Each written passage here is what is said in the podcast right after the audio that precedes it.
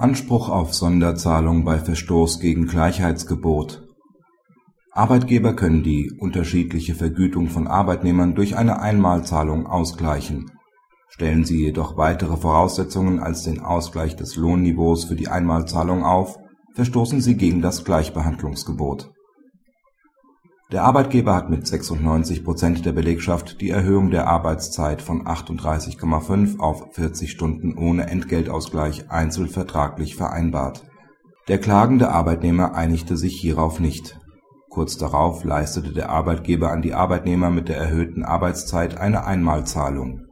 Weitere Voraussetzungen für die Einmalzahlung waren unter anderem die Betriebszugehörigkeit und dass das Arbeitsverhältnis zum Zeitpunkt der Auszahlung ungekündigt ist der Arbeitnehmer erhielt keine Sonderzahlung und klagte diese in allen drei Instanzen erfolgreich ein.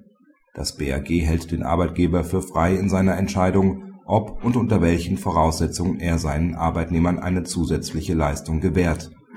Der Arbeitgeber ist aber an den Grundsatz der Gleichbehandlung gebunden, wenn er nach allgemeinen Regeln freiwillige Sonderzahlungen leistet. Stellt er Arbeitnehmer sachfremd gegenüber anderen Arbeitnehmern in vergleichbarer Lage schlechter haben diese einen Anspruch, nach Maßgabe der begünstigten Arbeitnehmer behandelt zu werden. Vorliegend wurde der Arbeitnehmer sachfremd benachteiligt. Der Arbeitgeber hätte zwar den Mitarbeitern mit der längeren Arbeitszeit eine Einmalzahlung gewähren dürfen, sofern diese keinen anderen Zweck gehabt hätte, als die Einkommenseinbuße ganz oder teilweise auszugleichen.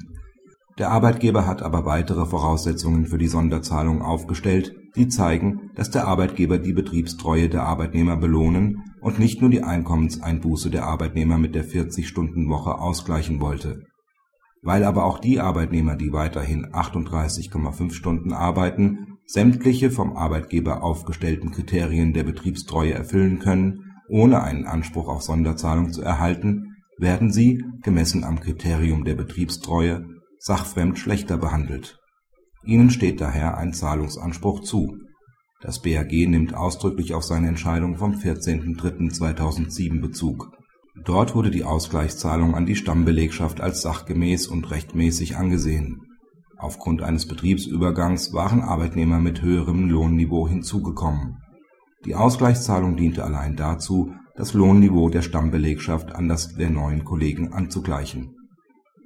Praxishinweis bei Einmalzahlungen ist die Zweckbestimmung durch den Arbeitgeber entscheidend. Hieran wird gemessen, ob sachfremd oder legitim differenziert wird. In seiner Klarheit ist die Entscheidung daher zu begrüßen